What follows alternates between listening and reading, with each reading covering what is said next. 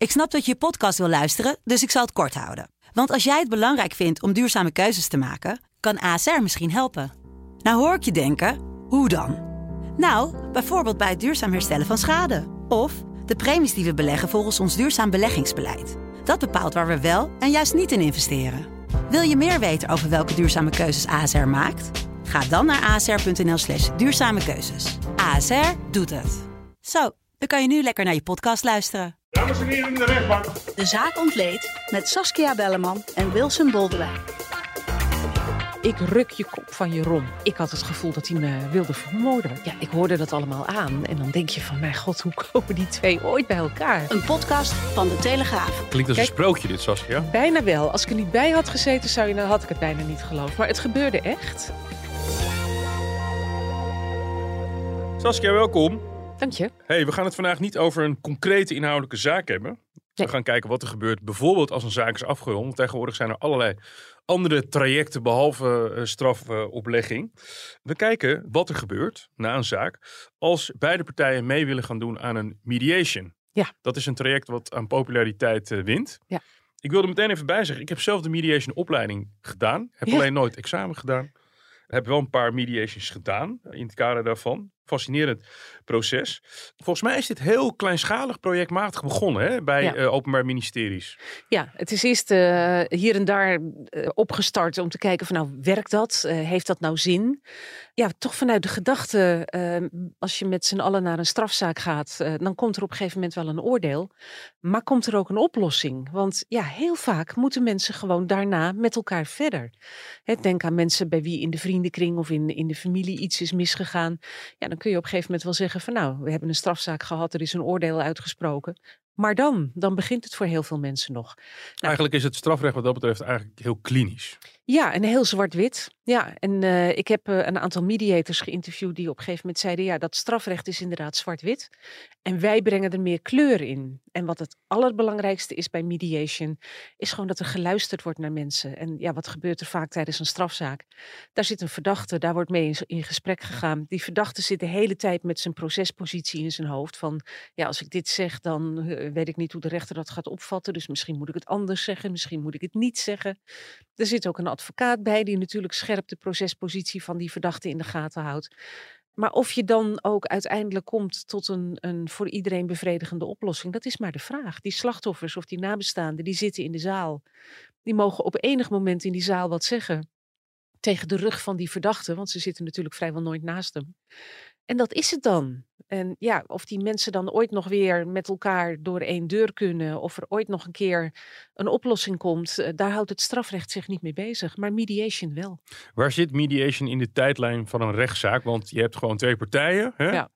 Eén partij die een strafmaat wel of niet gaat krijgen. En één partij die gewoon benadeeld is, zegt slachtofferschap of meerdere slachtoffers. Wa- Waar ergens begint, kan zo'n traject beginnen? Mediation kan al beginnen voor de strafzaak. Dat kan eh, door de officier van justitie bijvoorbeeld worden voorgesteld aan beide partijen. Van voelen jullie ervoor om met elkaar in gesprek te gaan, om, om aan mediation mee te doen? Een rechter kan het ook voorstellen. En ja, de, de voorwaarde is wel dat beide partijen, zowel een verdachte als een, eh, een slachtoffer, ermee akkoord gaan en het ook willen. Want als een van beide partijen niet wil, ja, dan heeft het geen zin. Het wil niet zeggen, als je meedoet aan mediation, dat dan daarna die strafzaak ophoudt. Dat is niet zo. Die, eh, die zaak die komt op een gegeven moment weer terug bij de rechter of bij de officier. Nou, een officier kan besluiten van, ik vind eigenlijk dat ze er samen goed uit zijn gekomen en we laten het hier verder bij. Ik seponeer die zaak. Een rechter kan ook besluiten om zo'n zaak wel te behandelen, maar dan in het vonnis rekening te houden met het resultaat van de mediation. Maar ja, er zijn nou eenmaal zaken, denk aan moord, doodslag, waarin ook nog andere dingen een rol spelen, namelijk beveiliging van de maatschappij of vergelding van een, eh, een ernstig misdrijf. Ja, dat kun je niet zomaar aan de kant schuiven natuurlijk. Maar in bepaalde gevallen zou mediation een strafzaak kunnen vervangen. En er is ook nog, en dat, dat moet je een beetje van elkaar onderscheiden. Je hebt een club die heet Perspectief Herstelbemiddeling. En die eh, trekken zich eigenlijk niks aan van een strafzaak. Die behandelen zaken die volledig losstaan van strafzaken. Dus het kan zijn dat een zaak al 50 jaar geleden heeft gespeeld. Dat iemand in de gevangenis is beland of inmiddels alweer op vrije voeten is. Maar dat daar nog steeds allerlei gevoelens zitten tussen slachtoffer en de dader. Die uit de weg moeten worden geruimd. Willen ze ooit weer een beetje verder kunnen met hun leven. Heb je een voorbeeld? Van het laatste bedoel je? Ja. Nou ja, denk aan, ehm, ik noem maar wat, een, een verkrachting. Het kan zijn dat eh, ja, de persoon van de dader in het hoofd van het slachtoffer is uitgegroeid tot enorme proporties. Iemand die mij zoiets heeft aangedaan, moet wel een ongelofelijke lul of een monster zijn. En dat kan groter en groter worden. En dat kan ertoe leiden dat een vrouw bijvoorbeeld niet eens meer de straat op durft. eh, voortdurend over de schouder kijkt als ze boodschappen gaat doen. Niet meer eh, het vertrouwen heeft om contacten te leggen met mensen, omdat ze altijd denkt van ja, die man die mij dat heeft aangedaan, dat leek ook een sympathieke vent. En dat bleek toch even heel anders te zijn. Nou, als je die mensen met elkaar in contact zou kunnen brengen. Want ja, je, je kunt denken van nou, daar heeft vooral het slachtoffer belang bij. Want hè, die, wil, die wil hem in de ogen kijken en hem vertellen wat het met haar heeft gedaan. Maar heel vaak heeft een dader daar ook belang bij. Omdat daders niet altijd monsters zijn. Het zijn niet altijd psychopaten die nergens nee, spijt van zeker hebben. niet. Nee, het kunnen ook mensen zijn die gewoon een ongelofelijke stomme fout hebben gemaakt in hun leven. Of ongelooflijk de mist in zijn gegaan onder invloed van wat dan ook. Dat doet er in feite niet toe. Maar die ook spijt kunnen hebben. En er ook wakker van liggen dat ze iemand zoiets hebben aangedaan. Daar hebben wij eigenlijk best wel weinig ruimte voor. Hè? Daar is eigenlijk geen ruimte voor. Nee. Nee, niet binnen het strafrecht althans. Dus ja, er wordt ook naast gezocht hoor, naar wegen om het, eh, om het op een andere manier te doen. En om eens te kijken van ja, kunnen we het ook zodanig doen dat mensen eh, niet alleen maar een oordeel krijgen van een rechter en het dan verder zelf moeten uitzoeken. Maar ja, misschien ook meer methoden krijgen aangereikt om, eh, om daarna het leven weer op te pakken en gewoon weer verder te kunnen. Het begint allemaal eh, vrij verhit vaak bij een, eh, bij een eh, rechtszaak. Laten we even luisteren. Jongen, jij moet Was uitkijken dit- voor mij, want als ik je dat- tegenkom en ik kan je... Oh, nou ben je zit vlak achter Ja, me. denk erom. Oh, je zit vlak Ja, achter denk me. erom, hoor. Je kent me zo... Als jij zo doorgaat, dan heb ik me niet Ik meer in de hand. Oh, nee, maar nou, luister. Ik ben bijna bang. Ja, dit is een, is een fragment van de rijdende rechter. Hè? Ja. Dan, dan zie je de boosheid Ja. bij beide partijen. En eigenlijk is dat iets waar je, waar je het eerst iets aan moet doen. Eigenlijk wel, ja. Hier had je natuurlijk twee mensen die volkomen onvoorbereid ook met elkaar in, in eh, de rechtszaal worden geconfronteerd. En daar moet dan een rechter een oordeel vellen. Ja, wat je ziet bij heel veel rechtszaken is dat mensen elkaar in die zaal voor rotte vis uitmaken. Omdat de emoties nog zo vreselijk hoog zitten en, en ja, het, het gevoel nog steeds angst is. Nou, wat doen ze nou bij mediation? Dan gaan ze, als beide partijen hebben aangegeven van nou ja, we willen het wel proberen. Gaan ze met iedereen afzonderlijk in gesprek. Ehm, ik heb zelfs een mediation sessie mogen bijwonen. Dat ging om een, eh, een verkeersregelaar die eh, het gevoel kreeg dat hij eh, werd, zou worden aangereden door een opgewonden automobilist die er per se langs wilde. En ja, die wilde niet luisteren naar die verkeersregelaar, dus die gaf een dot gas. Die verkeersregelaar moest opzij springen. En ja, die verkeersregelaar zei tegen de mediators, ehm, ik had het gevoel dat hij me, dat hij me wilde vermoorden. En die automobilist die zat eh, tegenover de mediators en die zei: Ik heb het gevoel dat deze verkeersregelaar erop uit is om mij te naaien. Nou, dan denk je dus van. Die standpunten niet die aan staan- elkaars verwachtingswaarden. Totaal niet. Nee, nee. En die standpunten die stonden echt lijnrecht tegenover elkaar. Nou, wat doen die mediators dan? Die gaan eerst praten met iedere persoon afzonderlijk. Dus ik zat daarbij en dan komt dan die, die automobilist binnen, helemaal opgewonden, kan geen seconde stilzitten op zijn stoel. Zegt inderdaad van die vent wil me naaien en eh, ja, wat heeft dit voor consequenties voor mij? En straks heb ik een strafblad en heel opgewonden en nou echt niet bereid tot, tot nadenken over de positie van die verkeersregelaar misschien. Dus dat gesprek dat werd heel rustig eh, gevoerd. Hij mocht gewoon vertellen wat hij ervan vond. En na een uurtje ging hij weer naar buiten en moest de verkeersregelaar naar binnen. Nou, hetzelfde laken en pak. Deze man zat er wel heel stil bij. Maar vreselijk gespannen. Je kon het zien aan, aan zijn lichaamstaal. Hij zat met gevouwen armen over zijn borst. En Verdedigend. had, ja, helemaal in de verdediging. Hij had zijn, zijn jas helemaal dichtgeritst tot, eh, tot aan zijn keel. En hij zei van ja, ik ben ervan van, van overtuigd dat die automobilist mij wilde vermoorden. Ja, ik hoorde dat allemaal aan. En dan denk je van, mijn god, hoe komen die twee ooit bij elkaar? Dat gaat ze nooit lukken. En vervolgens werden ze dus samen aan tafel genood. Nou, dan zie je dus eerst gewoon die mannen heel gespannen tegenover elkaar zitten. Een beetje, beetje blikken wisselen die nou niet bepaald vriendelijk waren. En ze kregen allebei ruim de gelegenheid om uit te leggen hoe zij erin zaten. Die automobilist vertelde van ja, ik kom daar bij die wegafzetting en het was vlak bij die laadpaal. En ik had nog maar een paar minuten eh, de mogelijkheid om te rijden. Ik, ik had bijna geen stroom meer. Als je me er nou even langs had gelaten, dan was ik bij die laadpaal gaan staan en dan was er niks aan de hand geweest. En die verkeersregelaar die zegt van, ja, je moet eens weten hoe ongelooflijk veel scheldpartijen ik iedere dag weer over me heen krijg van automobilisten. Die allemaal wel vinden dat ze een uitzonderingspositie hebben. En die er allemaal langs willen. Eh, en daar moet ik dan in meegaan. En als ik er niet in meega, dan worden ze boos. En dan beginnen ze te schelden. En in dit geval, ja, ik dacht echt, eh, jij wilt mij dood hebben. Want je was zo boos. Hè? Het vuur spoot uit je ogen. En je gaf gas. En ik, ik moest echt opzij springen. En voor deze man zijn de consequenties enorm geweest. Dat vertelde hij ook. Hij is zo aangeslagen geraakt door dat incident daar bij die wegafzetting. Dat hij zijn kop niet meer bij zijn werk kon houden. Nou, het gevolg, hij raakte zijn baan kwijt. Hij werd ontslagen. Financiële problemen. Precies, financiële problemen, kon de huur van zijn huis niet meer opbrengen. En eh, daar zat deze man dus mee. En die automobilist, ik zag hem ontdooien. Ik zag hem denken van... Oeh, er zit gewoon een shit. mens. En wat voor gevolgen heeft dit allemaal gehad? Alleen maar omdat ik vond dat ik naar die laadpaal toe moest kunnen. Die verkeersregelaar had ook nog uitgelegd van, zelfs als ik een uitzondering voor hem had willen maken, het kon niet, want ze waren aan het asfalteren. Hij zou tot aan zijn wielassen zijn weggezakt in, eh, in het vloeibare asfalt. Dus het, het kon gewoon hoe dan ook niet. Einde van het liedje. Die mannen, nou ze liepen nog net niet met de schouders om, eh, of de armen om elkaars schouders de deur uit. Maar ze hadden wel begrip gekregen voor elkaars verhaal. En weg was de woede De en de automobilist, agressie. ja, de woede, de emotie, alles was weg. En eh, sterker nog, de automobilist had een onderneming, heeft een onderneming. En bood de verkeersregelaar een nieuwe baan aan. Nou, wil je het mooier hebben dan dat? Klinkt als een sprookje dit, Saskia. Bijna wel. Als ik er niet bij had gezeten, zou je, dan had ik het bijna niet geloofd. Maar het gebeurde echt. En ja, wat een van die mediators na afloop ook zei was: kijk, emoties die komen altijd van rechts en die hebben voorrang. Emoties die, die eh, nemen je altijd over. Die, Ja. die krijgen de overhand. Dan kun je niet meer helder nadenken. Dan ben je ook niet meer bereid om naar iemand te luisteren. En dan is de ratio weg. Op dat moment word je gewoon overmand door de emotie. En op het moment dat je gewoon allebei het gevoel hebt gekregen: ik heb mijn verhaal kunnen doen, er is naar geluisterd, dan ebt die emotie weg. En dan komt de ratio weer naar boven. Van ja, ben ik eigenlijk niet een beetje overdreven bezig geweest? Had ik wel zo moeten reageren? Was dat eigenlijk niet, had dat niet anders gekund? Ik heb het woord uitpellen geleerd Ja. tijdens mijn mediation opleiding. Je Nou, moet dat, het, dat je moet het zeiden uitpellen. deze mediators ook. Die vergeleken het met een ui die je helemaal moet afpellen voordat je tot de kern komt. En dat zijn vaak dingen ja, waar mensen boos over zijn of waar mensen zich voor schamen, die ze eigenlijk helemaal niet met je willen delen.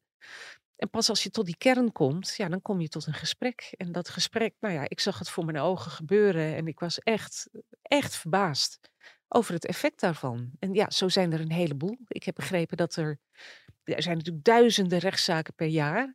Maar in gemiddeld 1500 zaken wordt mediation toegepast. En in 80% van de gevallen, wat echt een enorme score is, eh, zijn mensen achteraf blij met het resultaat. Het hoeft niet altijd tot een oplossing te komen. Soms komt het niet tot een oplossing of komen mensen niet echt nader tot elkaar. Maar in ieder geval hebben ze de gelegenheid gekregen om zich uit te spreken. En de ander is gedwongen geweest om er naar te luisteren en om het serieus te nemen. En alleen dat al kan een enorm verschil maken. Ja, en als ik alleen al denk aan de hele maatschappij, dat zo'n verkeersregelaar, die komt in een of andere bijstandswet. Inderdaad, financiële problemen, Ja. schulden. Ja. Eh, ik denk als je heel veel van dat soort zaken bij elkaar optelt, dat het heel veel, zou- veel zou kunnen voorkomen in de maatschappij van mensen die Ja. heel lang met mentale problemen blijven lopen. Nou, ik Kost denk ook dat geld. het- ja, precies. Kijk, die, die verkeersregelaar die heeft een posttraumatische stressstoornis opgelopen door dat hele incident. Ik zou me kunnen voorstellen dat zijn herstel sinds die mediation sessie een stuk voorspoediger gaat. Gewoon omdat nu blijkt, die automobilist die zat tegenover me en ik heb hem nu in zijn ogen kunnen kijken en ik heb hem kunnen uitleggen wat het met me heeft gedaan. En hij had er begrip voor. Hij snapte het opeens. Je kon het gewoon zien aan zijn houding. Weet je? Hij ontdooide helemaal en had opeens zoiets van Jezus. Wat vind ik dit erg? Ik heb helemaal niet geweten dat ik, eh, dat ik dit heb veroorzaakt. Het is nooit mijn bedoeling geweest. Heeft jou nooit een baan aangeboden? Nee, Nee, ja, dat is dan wel weer jammer, tegenover hem. Hè? Ja, Nee, precies. Je was toeschouwer. ik was toeschouwer. hey, wat wel een voorwaarde is, hoor ik al uit jouw verhaal, je moet wel schuld bekend hebben. Want als iemand nog in zijn onschuldspresumptie Ja. zit, ik heb het allemaal niet gedaan, dan wordt het een heel lastig gesprek. Ja, dat wordt een lastig verhaal. En dat, dat is natuurlijk ook wel een beetje het lastige bij mediation. Dat op het moment dat een verdachte blijft hangen in een ontkenning, ook vanuit de gedachte, ik krijg nog een rechtszaak. Hè? Dus als ik nu ga toegeven dat ik het heb gedaan, ja, dan ben ik mijn rechts, eh, mijn, mijn positie ben ik dan kwijt. ja, want kan hoe zit dat op het moment dat je zo'n traject begint? Nou, dat is, wel, eh, dat is misschien nog wel even een, een complicatie. Het is niet zo dat de rechtszaak van de baan is. Die rechtszaak die komt er nog aan. Maar een officier van justitie kan besluiten op basis van het resultaat van de mediation. Hè, en als het niet gaat om een hele zware zaak. Nou, ik vind dit eigenlijk wel tot een goed einde gebracht. Ik zie geen nut om nadere vervolging in te stellen. En dan seponeert hij de zaak. Hij kan ook besluiten, ik breng het wel voor de rechter. Want ja, sommige zaken zijn gewoon zwaar. Daar spelen andere zaken ook nog een rol, namelijk vergelding, ehm, de veiligheid van de maatschappij. Je kunt je voorstellen dat dat bijvoorbeeld speelt bij zedenzaken of bij moord of doodslag. Moet ergens een lijn getrokken worden. Exact. En kijk, dan is er wel een zwaar strafbaar feit gepleegd. Dus die rechtszaak die komt dan nog wel. Maar een rechter kan meer maatwerk leveren, kan meer kijken naar deze mensen hebben met elkaar gesproken. Ze zijn er onderling redelijk uitgekomen. Hè? Ze hebben de tijd genomen om naar elkaar te luisteren. Ze, ze hebben begrip gekregen voor elkaar. En die kan vervolgens besluiten om daar in de straf rekening mee te houden. En ja, ik heb een rechter gesproken die al jarenlang mediation projecten leidt. En die zei van kijk, het allermooiste zou natuurlijk zijn als een rechter kan besluiten. We gaan deze zaak helemaal niet meer doen.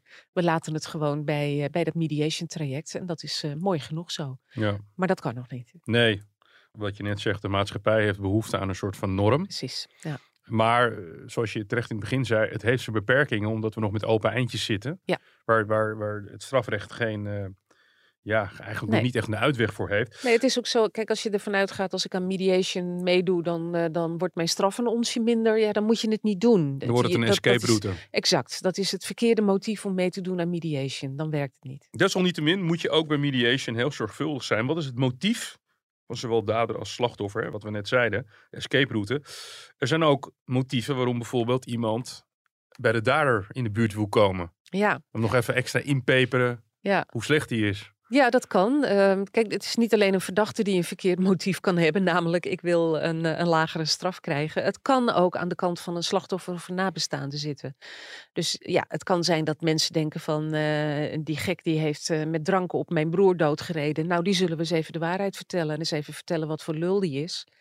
Ja, dat is dus niet de bedoeling. Je moet wel de bereidheid hebben om naar elkaar te luisteren. En wat ook een contra-indicatie zou kunnen zijn, eh, zijn stalkingszaken. Want ja, in feite kom je dan tegemoet aan wat de dader wil. Namelijk contact met het slachtoffer. Ja. Ja. Maar goed, het, het zijn niet de mediators die dan gaan beslissen dat het niet geschikt is. Dat laten ze in dat geval over aan het slachtoffer. Als het slachtoffer zegt ik wil het wel, dan gebeurt het gewoon. En dan gaan ze met elkaar in gesprek. Is er iets te zeggen over eh, bij wie de behoefte het grootst is? Ehm, nee, niet echt. Het kan van beide kanten komen. Ik heb wel begrepen eh, tijdens gesprekken met de mensen van perspectief herstelbemiddeling, die na een strafzaak of los van de strafzaak in beeld komen, dat heel vaak mensen die in de gevangenis zitten eh, moeite hebben met, met ja, het een plekje geven wat ze hebben aangericht. Kijk, het zijn natuurlijk heel vaak geen misdadigers. Hè? Het zijn geen mensen die met opzet iemand hebben doodgemaakt, bijvoorbeeld. Maar het kan iemand zijn die ehm, nou, midden in de nacht eh, in de regen eh, heeft geprobeerd een fietspad over te steken. ehm, raampjes waren enigszins beslagen. Heeft de tijd. nooit zien aankomen. Niet te hard gereden, niet op zijn telefoon gekeken, geen drank op en toch iemand doodgereden. Ja, dan beland je in de gevangenis. Maar dat kan je natuurlijk ongelooflijk dwars zitten. Dat, dat besef van ik heb iemand doodgereden. Mensen zijn hun geliefde kwijt en ik ben daarvoor verantwoordelijk. Dus er zijn vrij veel ehm, al veroordeelde daders die bij herstelbemiddeling uitkomen. En die toch heel graag. En dan hebben ze er ook geen enkel belang meer bij. Hè? Want ja, veroordeeld is veroordeeld. Ze zitten gewoon. Maar ze, ze hebben de kans om nabestaanden zelf te laten weten hoe vreselijk ze het hebben gevonden. En dat ze er zelf ook wakker van liggen. En dat kan voor nabestaanden ook weer helend werken. Dat je ja, het besef hebt, het is geen lul die gewoon met opzet eh, in de auto is gestapt eh, en te veel heeft gedronken en mijn, eh, mijn dochter heeft doodgereden. Nee, hier zit gewoon iemand die de domme pech had dat hij iemand te laat zag. En ja, dat is verkeerd gegaan. Maar zelfs als er wel alcohol in het spel is hoor, zelfs dan komt het gewoon voor dat mediation echt heel helend kan werken naar beide kanten toe. Zien we hier misschien de toekomst voor een, een percentage van het, van het strafrecht, waarin je een, in plaats van linksaf richting eh, de, de verdachte bankjes rechtsaf gaat, omdat als je een optelsom de maatschappij beter af is als dader en slachtoffer en met elkaar onderling uitkomen? Ja. Of, of hou je dan dat probleem van die norm? Nou, ik denk dat het, eh, het zal nooit het strafrecht kunnen vervangen in die hele zware zaken. Als het inderdaad gaat om moord of doodslag of, of hele zware zedenfeiten. Aan de andere kant, eh, ik denk wel dat het voor wat lichtere zaken een goede aanvulling of misschien wel vervanging zou kunnen zijn. Omdat ja, het, het strafrecht brengt wel een oordeel, maar het brengt geen oplossing. En uiteindelijk wil je toch Dat een dader weer terug kan komen in de samenleving. Dat een slachtoffer doorgaan eh, kan gaan met zijn of haar leven.